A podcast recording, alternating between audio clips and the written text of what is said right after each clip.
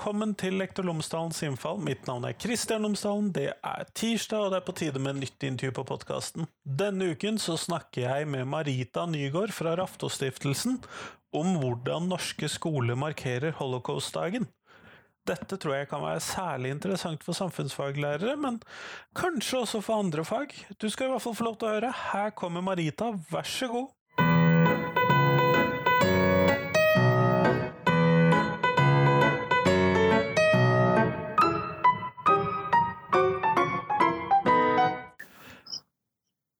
Marita Nygaard, tusen takk for at du har tatt deg tid til meg i dag.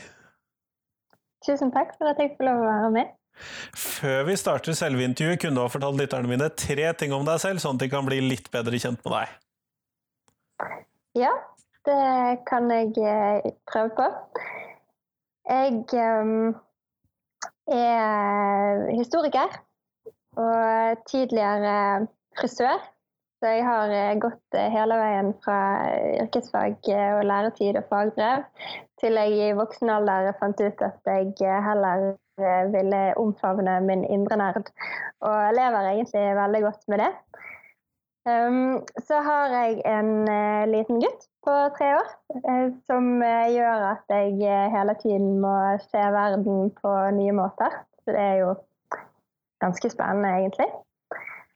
Og så er egentlig et levende eksempel på den viktige rollen som lærerne har. For hadde jeg ikke hatt en lærer når jeg gikk på frisørlinjen som valgte å tenke utenfor boksen og tenke mer enn fag, så hadde jeg heller ikke sittet her i dag eller gjort det jeg virkelig trives med. Så det er kudos til lærere. Mm. Kjempeflott, det tror jeg vi skal ta med oss. Men du har kommet hit for oss å snakke om holocaustdagen. Ja. Og så vidt jeg forstår, og da må Unnskyld hvis jeg tar feil her, men tidligere så fikk ikke den så stor plass i skolen, mens den nå har fått større plass, stemmer det? Det er vel en litt sånn kurve som går litt opp og ned.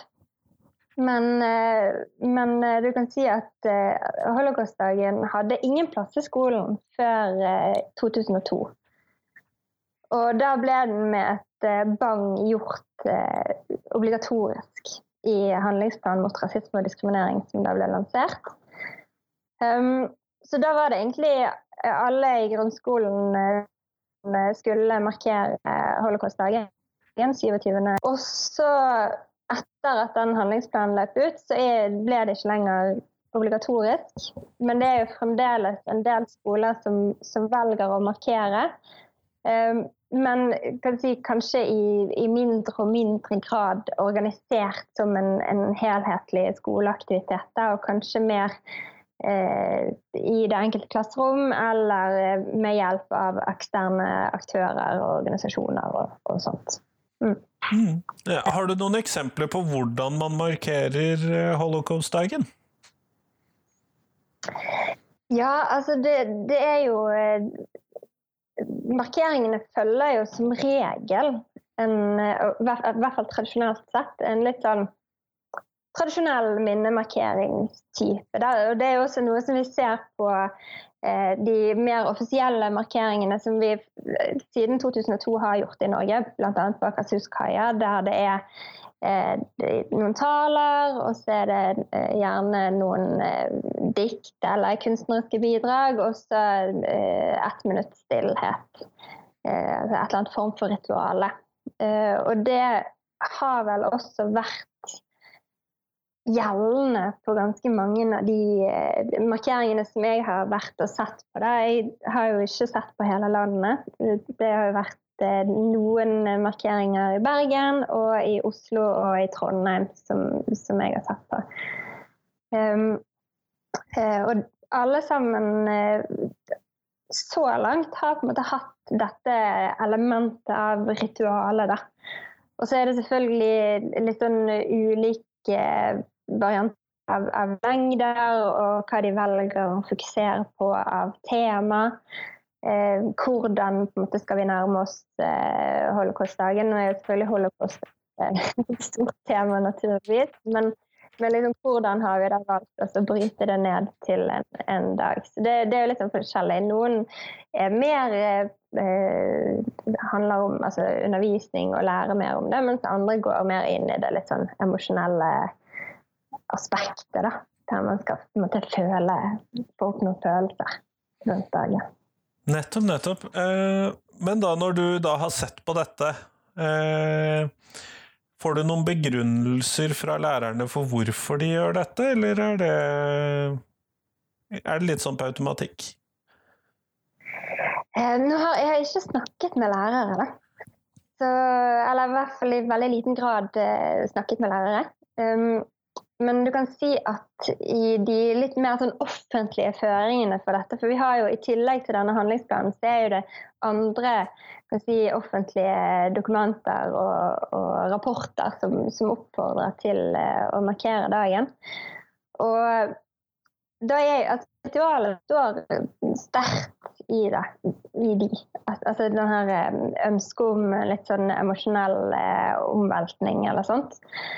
Um, og da med en forståelse av at det, altså dette er fremtidsrettet.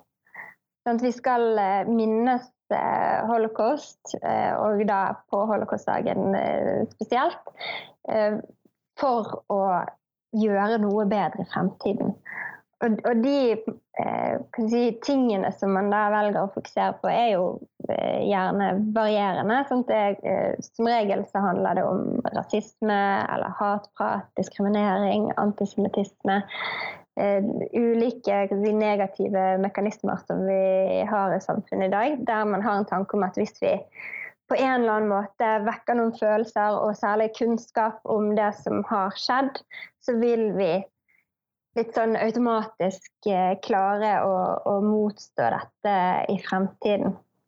Så en av de tingene som, som er veldig eh, gjennomgående eh, på markeringer, både eh, offisielle med, med statsråder og, og, den pakken, men også ned på skolenivå, er liksom dette budskapet om at det aldri må skje igjen. Sånn at du har på en måte det som et litt sånn eh, bakenforliggende mantra for eh, markeringene. Mm. Men når vi da, og dette er jo veldig interessant, særlig dette med 'dette må jo aldri skje igjen'. Fordi at det har jo skjedd igjen. Både én og to og tre ganger. Kanskje ikke i den størrelsesorden, og ikke nødvendigvis mot jødene som gruppe, men mot andre grupper eh, i eh, verden. Har det fått noen plass inn i dette noe sted? Ja, og det, eh, det, det, det, er en veldig sånn interessant formulering. For det har altså, På en måte ja, så har det skjedd igjen. Men på en måte så har det jo ikke skjedd igjen. Og det kommer ikke til å skje igjen. Eh, akkurat det som vi snakker om. Sant? For at, eh, veldig ofte så, så går man da inn i de veldig sånn historiespesifikke detaljene for hva som foregikk eh, under holocaust eller, og i forkant av holocaust, alle disse mekanismene og sånt. Og, og akkurat det kommer jo ikke til å, å, skje igjen, og har ikke skjedd igjen. Men, men vi ser jo alle disse her små mekanismene som, som går på, på måte, dehumanisering, hatprat, propaganda, rasisme, eh, antisemittisme, fordommer, det finnes jo i veldig stor grad. Og det får ofte en plass, eh, men gjerne litt sånn på overflaten. At det, det nevnes, og det trekkes gjerne noen paralleller men uten at man på en måte går inn i hvorfor kan disse to tingene sammenlignes? Og hva er det egentlig vi kan gjøre med det? At, at det at vi får veldig god kunnskap om det som skjedde i, i Tyskland og i Europa på 30-tallet og, og utover i løpet av holocaust, det, det, gir ikke noe sånn automatisk eh, si, overgang til å, å, kunne jobbe med lignende mekanismer i dag. Da. Sånn at eh, mange steder, og vi ser jo at, eh, at flere av de institusjoner og organisasjoner som tilbyr opplegg knyttet til holocaustdagen, jobber jo mer og mer med aktualisering og mer og mer med en håndgripelig ak aktualisering. At, at, hvordan kan vi faktisk på en måte gjøre noe med det? Men når vi ser på, på taler og, og retorikken som omkranser det mer offisielle eh, markeringen av holocaustdagen, eh, så er det eh, litt sånn på sånn eh, si, overfladisk nivå. Sant? At det, det nevnes gjerne, men man klarer likevel ikke nødvendigvis å se helt sammenhengen, og heller ikke se på en måte hvordan Hva kan jeg gjøre med det? Hva, gjøre? Kan hva gjør dette til noe mer enn bare kunnskaper om noe som skjedde en gang i fortiden? Mm. Det Foreløpig, i hvert fall på de offisielle markeringene, så er det lite av det. Mm. Det, det, er en veldig sånn eh, forståelse av at det aldri må skje igjen. At vi har dette framtidsaspektet som, som liksom det vi, Med dette her så kan vi gjøre verden bedre men ikke liksom hvordan. Nettopp. Eh, men nå er det jo da nesten et år til neste holocaustdag. Ja. Eh, og jeg som da samfunnsfaglærer og historielærer, for den saks skyld, eh, kunne jo da tenkes å skulle markere denne selv i videregående skole. Mm. Eller da hvis jeg var lærer på et lavere trinn. Så Eh, skulle eh, markere det der. Har du noen tanker om eh, For at dette skulle bli et best mulig opplegg, har du noen tanker om hva man kunne fokusere på, eller hvilke ting man burde kunne trekke inn for at vi både skal kunne lære noe for fremtiden, og for å kunne minnes og forstå det som skjedde i fortiden, type ting? Har du gjort deg noen tanker der? Ja, altså her er jo det eh, balanserer jo, skal man balansere veldig mange ting på én gang. Sant? Eh, og jeg tenker her har jo lærere eh, liksom fortrinn, særlig historielærere, som da skal innom dette også i historietimene. Eh, der man kan på en måte virkelig gå inn i de historiske detaljene uten å måtte unnskylde seg med noe som helst. Det, man skal jo det i historiefag. Så skal man gjennom eh, en del eh, innenfor holocaust og eh, mellomkrigstiden og den type ting. Um, men det som forskning viser, da, er jo at en sånn veldig emosjonell høring på eh, minner om fortiden ikke, gir ikke nødvendigvis noe sånn merverdi i forhold til å kunne tenke sammenhenger og, og tenke kan jeg hvordan kan jeg som eh, enkeltperson gjøre noe med dette videre i, i livet? Eh, Kyrre Kverndokk har skrevet sin, eh, sin doktorgradsavhandling om eh, hvite busser eh, sine reiser til, til konsentrasjonsleirer i Europa kan også bare si kort at jeg har, har jobbet der. Og jeg syns altså, potensialet der er helt fantastisk bra. Det er ikke det at vi ikke skal utelate emosjoner totalt i undervisningen. Men det han fant, var det at når elevene kom tilbake igjen, så fikk i oppgave å på en måte skulle sammenfatte noe sånn Eh, eh, ting de hadde lært i løpet av turen, eller ting de mente var viktig å ha med seg videre, så var det dette her eh, mantraet om at det må aldri skje igjen. Gjerne sånn vi er de nye vitnene, og det er vår oppgave å bringe denne historien fremover. For å, å liksom, altså med fremtidsaspektet. Men når de da skulle gå inn i det, så var de helt nede på sånn historisk detaljnivå. Så så de klarte, selv med, med den voldsomme emosjonelle omveltningen som en sånn tur eh, veldig ofte innebærer, så klarte ikke de å, å transformere det til noe som de kunne bruke eh, i dag. Nettopp fordi det er veldig historisk spesifikt. Eh, og vanskelig å, å se måte, de konkrete sammenligningene eller sammenhengene med i dag. Um, så jeg eh, vi i Rottestiftelsen så har vi prøvd oss på dette nå eh, de siste to årene. Da. og liksom kunne finne et sånt balanse mellom det historisk spesifikke, som vi på ingen måte må miste av syne. For med en gang vi begynner å, å trekke inn mekanismer og sammenhenger, og sånt, så er vi jo i litt sånn eh, faresonen for relativisme. Sant? Vi skal ikke gjøre, ta, fjerne det historisk spesifikke og og det unike med, eh, med fortiden. Eh, men som lærer så har du på måte, da har du historietimene som du kan på måte bruke til det, og, og til å terpe på det. Og så tenker jeg at eh, det er et potensial her for å trekke ut en del sånn mekanismer som vi ser i dag. Som går på eh, ytringsfrihet, hatprat, diskriminering, rasisme, eh, antisemittisme, selvfølgelig. Eh, og, og, liksom utforske hvordan, hvordan ser det ut i verden i dag. For rasisme i dag er jo noe helt annet enn det var på 30-tallet. Det eh, vil jo være helt umulig for elever å, å klare å, å, å, skjønne rasisme i dag hvis de går inn og leser liksom raseteori og, og eh, rasehygiene som, som er, vi nærmest ikke finner igjen i dag. Men vi har jo fremdeles rasisme, men på, på helt andre nivåer. Eller i hvert fall delvis andre nivåer.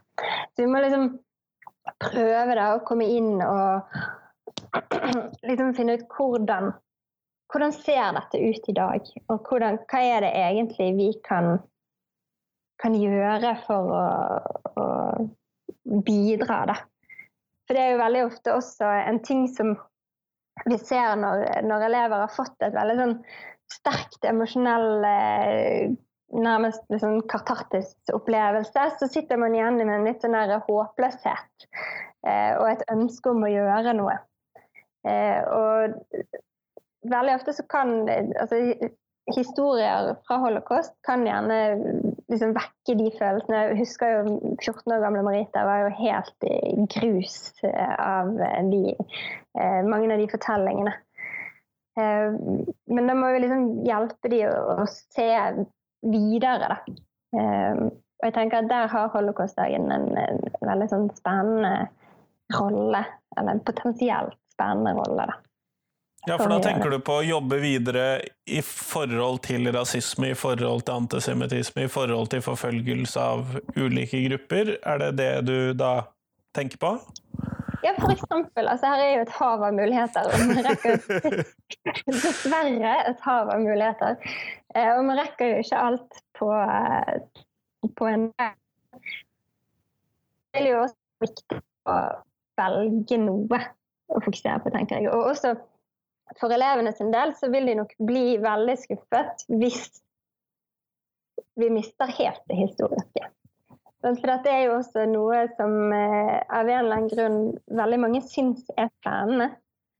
Eh, og hvis man kommer til en holocaustdag som ikke handler om holocaust overhodet, så, så, blir de igjen litt skuffet. Det var jo en, en, erfaring som vi også gjorde oss første gang vi gjennomførte dette. Så eh, vi har jo gjort det i samarbeid med Stiftelsen Espeland fangeleir ute i fangeleiren.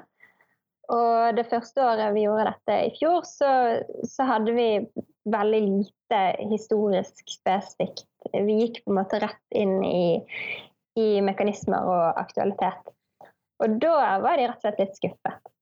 De, de syntes selvfølgelig at, at, opplegget var spennende og bra, og så til dels måte, relevansen for eget liv. Men de så ikke sammenhengen til holocaust. Så der hadde vi liksom beveget oss rett og slett litt for langt i den andre retningen. Um, som, vi har, eh, som vi da justerte på i år, selvfølgelig. Sånn at uh, vi må heller ikke miste det av syne, og vi må klare å gjøre det uten å uh, relativisere fortiden. Så det er en sånn veldig smal eh, balansegang. Men det er veldig spennende, og jeg tror at veldig mange som jeg sa i sted, veldig mange syns at dette er spennende. Og bare i det så har vi et, eh, et potensial som vi kanskje ikke har hvis vi bare går inn og sier at ja, nå skal vi jobbe med hatprat. Eh, mens hvis man på en måte kan bruke eh, propagandaen og demoniseringen av jødene i mellomkrigstiden som utgangspunkt for å diskutere okay, hvordan snakker vi om mennesker i dag, hvordan foregår eh, diskusjoner på sosiale medier, og hvordan snakker vi i klasserommet, og, og den, så har vi et, helt annet utgangspunkt som kanskje kan fenge flere. Eh, ikke nødvendigvis alle, men, men kanskje, kanskje noen flere. Ja, og jeg syns jo det er litt jeg synes det er interessant det du sier om at uh, man ville synes det var mindre interessant hvis ikke man fikk med det historiske. fordi at jeg har jo oppdaget det at en del av særlig gutter som ikke syns at historiefaget er spennende, så fort man kommer til første og andre verdenskrig, da følger de med. uh, ja, det er, det er litt sånn jeg tenker jo at uh, at uh, historiefaget, og da særlig liksom andre verdenskrig og holocaust, det kan være, være nesten en sånn gateway drug uh, til å, å, se liksom at både historie og samfunnsfag er spennende, men også på en måte til engasjement for egen samtid. Det var i hvert fall sånn det fungerte for meg. det er jo ikke sikkert at det er men, men at det, det er Av en eller annen grunn så er det spennende. Og det er jo selvfølgelig noe som til stadighet aktualiseres i samtiden òg. Det kommer hele tiden nye filmer, nye bøker. Nå skal jo de lage film fra Bergen eh, under andre verdenskrig. Det er på en måte noe som, som vi hele tiden eh, ripper opp i, da, på en positiv måte, kanskje. Eh, så, så, det har en veldig, veldig aktualitet. Mm, absolutt. Mm. Men Marita, eh, når vi da har noen tanker rundt hvordan vi skal lage en sånn holocaust-dag, og vi skal prøve oss å få både det historiske og litt emosjonelle, kanskje, og så samtidig prøve å se hva vi kan lære av dette i dag, men hvordan tenker vi Hvordan syns du at eh, lærebøkene fremstiller eh, både jødene og holocaust og eh, disse tingene, sånn at Hvordan syns du de er på det? Nei, altså Det er jo veldig varierende, selvfølgelig. Og det blir jo spennende å se nå med fagfornyelsen og nye lærebøker og, og, den typen. Men eh, det er jo det er noen som har skrevet, eh, det er skrevet noen masteroppgaver på eh, de lærebøkene. Og, eller lærebøker som eksisterer nå. Og det som man ser, er jo at eh, holocaust eh, har egentlig ganske liten plass. Eh, og så er det også da gjerne eh, Det mangler eh, aktører ofte. Altså nazist, eh, nazisme som ideologi er gjerne fra eh, Og så er jødene veldig ofte, ikke alltid, men veldig ofte fremstilt som ofre. Sånn eh, gjerne da med litt sånn klassiske bilder som vi alle kjenner fra uh, populærkulturen. Med knokler, altså tynne mennesker, knokkelmennesker eller uh, likhauger eller uh, mennesker som, som, fremstår som uten vilje og som uten identiteter, egentlig. Sånn det er gjerne veldig mange mennesker på et bilde. Og, og vi står jo gjerne da litt sånn i, i faren for å gjøre det samme mot de som, som nazistene gjorde, men, men, selvfølgelig med gode intensjoner. Sant? At, uh, at man, man, fratar de en, en, form for menneskelighet og, og, og individualitet. Så rett og slett en dehumanisering om igjen, da?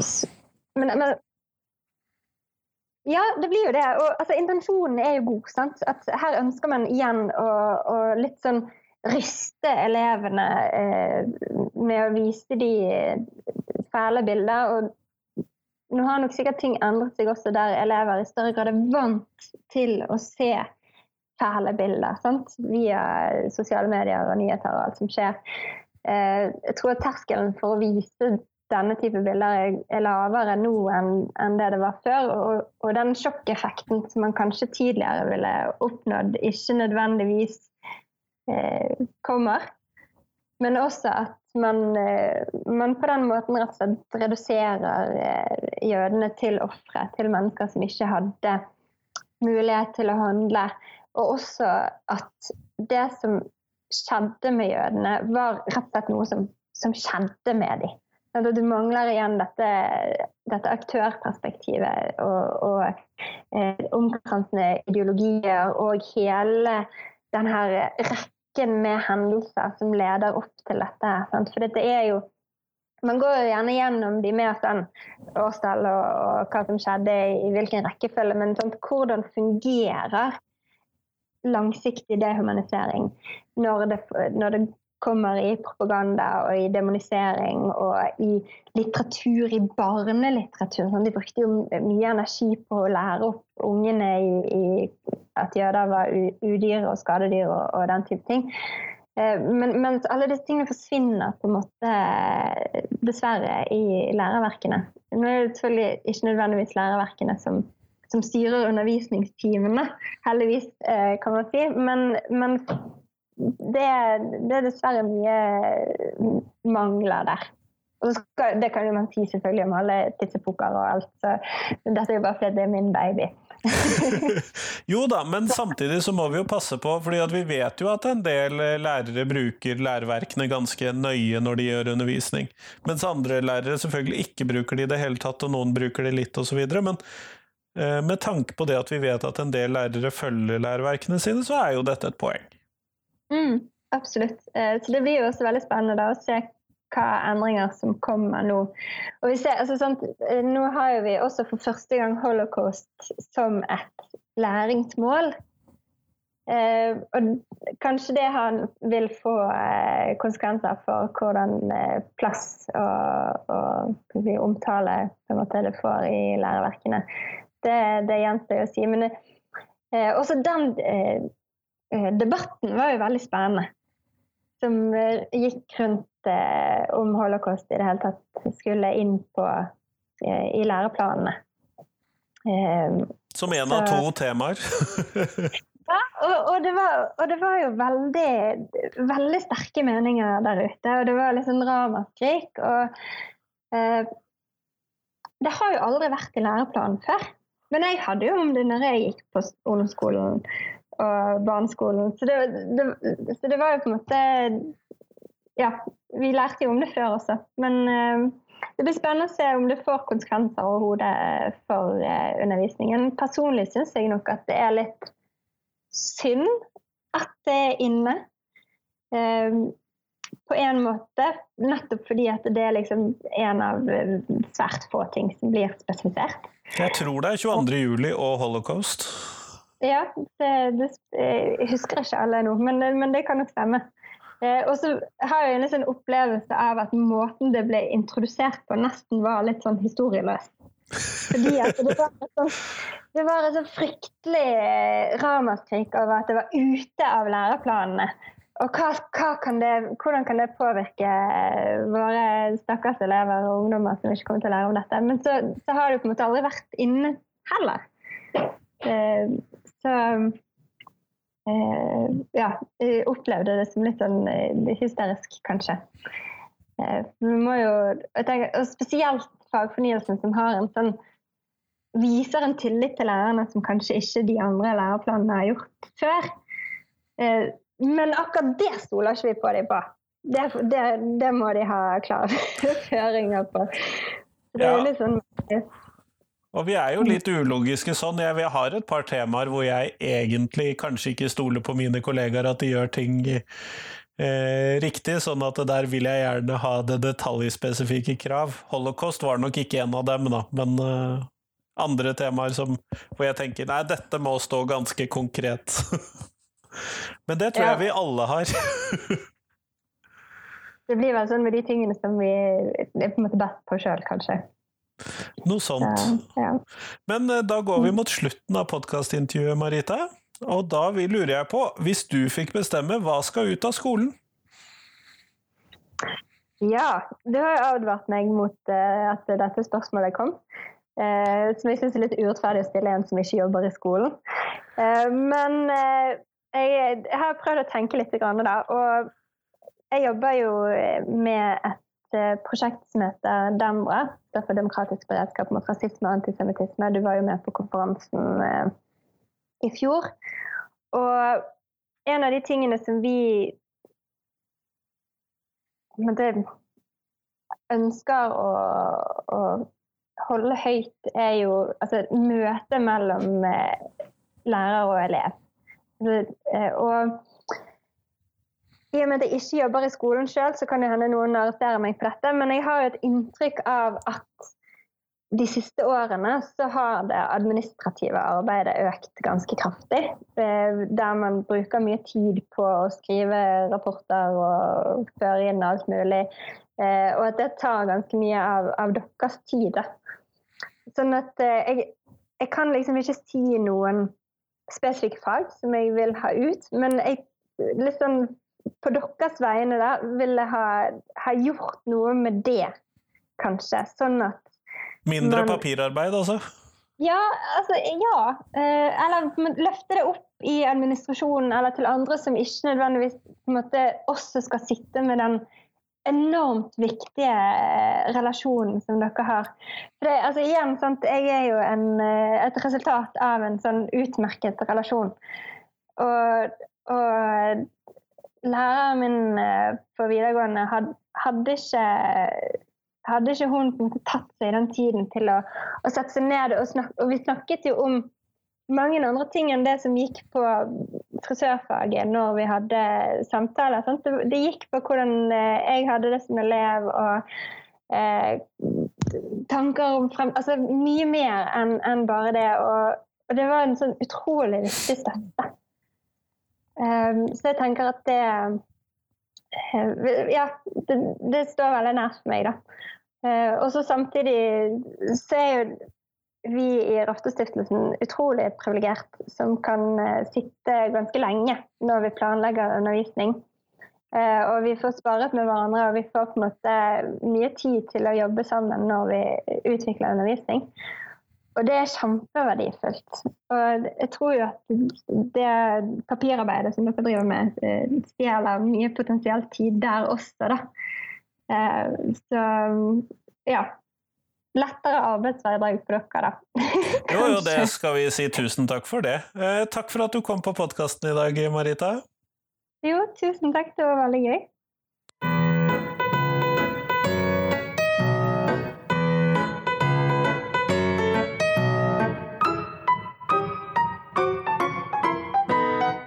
Tusen takk til Marita, og tusen takk til deg som hørte på. Nå er det ikke fullt en uke til det kommer en episode. Det kommer en ny spesialepisode på torsdag eller fredag i forbindelse med koronaepidemien. Så det blir spennende. Eh, da hører vi fra elevombudet i Oslo om gratisprinsippet, så det ser jeg veldig fram til.